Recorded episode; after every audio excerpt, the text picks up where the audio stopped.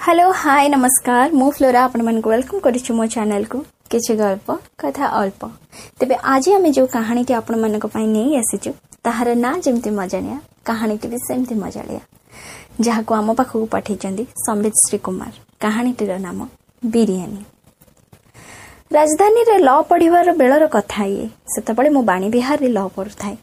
ରାଜଧାନୀର ମନ୍ଦିର ସାମ୍ନାରୁ ଚପଲ ଚୋରି ହେବାଟା ନିହାତି ମାମୁଲି ଘଟଣା ହୋଇଥିଲେ ବି ମାସ ଦୁଇଟାରେ ମୋର ତିନି ହଳ ଚପଲ ହଜିଗଲା ଶ୍ରୀରାମ ମନ୍ଦିର ସାମ୍ନାରୁ। ତା ପୁଣି ଶନିବାର ଦିନ।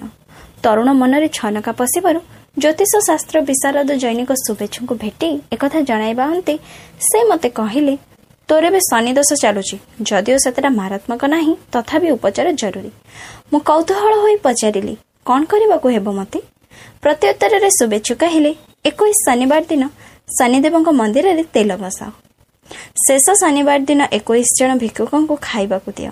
ନିଜର ସାଧ୍ୟ ମତେ ଶନିଦଶା କଟିଯିବ।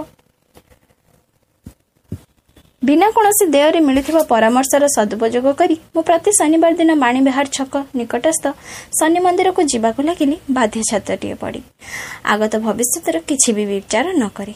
ଚପଲ ଚୋରି ଭୟରେ ମନ୍ଦିରକୁ ଯିବା ପୂର୍ବରୁ ଗୋଟେ ହୃଷ୍ଟପୃଷ୍ଟ ଭିକ୍ଷୁକର ଜିମାରେ ମୁଁ ଚପଲ ଦେଇ ମନ୍ଦିର ଭିତରକୁ ଯାଏ। ଫେରିବା ବେଳକୁ କେବେ କେମିତି ତାକୁ ଆଠଣାକି ଟଙ୍କାଇ ଦେଇ ମନେ ମନେ ମହା ଦାନୀ ବୋଲି ନିଜକୁ ହାଲକା ଗର୍ବ ଅନୁଭବ କରେ।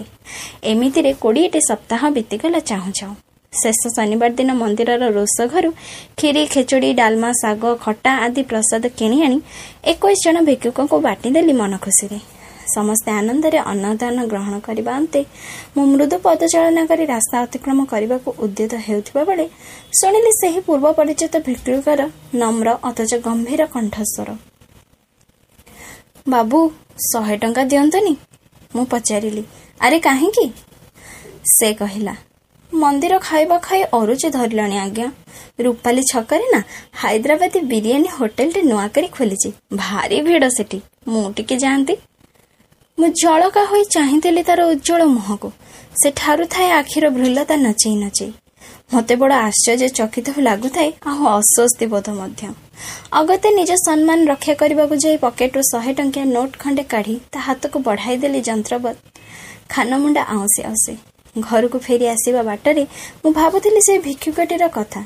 ହୃଷ୍ଟପୃଷ୍ଟ ବଳିଷ୍ଠ ସକ୍ଷମ ହୋଇ ବି କରୁଛି ଭିକ୍ଷାବୃତ୍ତି।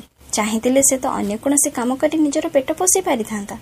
କିନ୍ତୁ ଏଠି ପରିଶ୍ରମ କରିବାକୁ କିଏ ବା ଚାହୁଁଛି? ସମସ୍ତେ ତ ମାଗଣା ଖାଇବାକୁ ଟାକି ରହିଛନ୍ତି। ସମାଜରେ ଯୁବଶକ୍ତିର କର୍ମ ବିମୁଖତା ପାଇଁ ଦାୟୀ କିଏ? ହୁଏତ ଆମେ ସମସ୍ତେ। ସରକାରୀ ଯୋଜନାକୁ ଖାଲି ଦୋଷାରୋପ ଖସି ଯାଇ ପାରିବାନି ଆମେ। ଯିଏ ମାଗୁଛି ସେ ଯେତିକି ଯାଇ ଅପାତରେ ଦାନ କରୁଛି ଯିଏ ମାଗିଲା ବାଲାଠାରୁ ସେ ଅଧିକ ଦାୟୀ।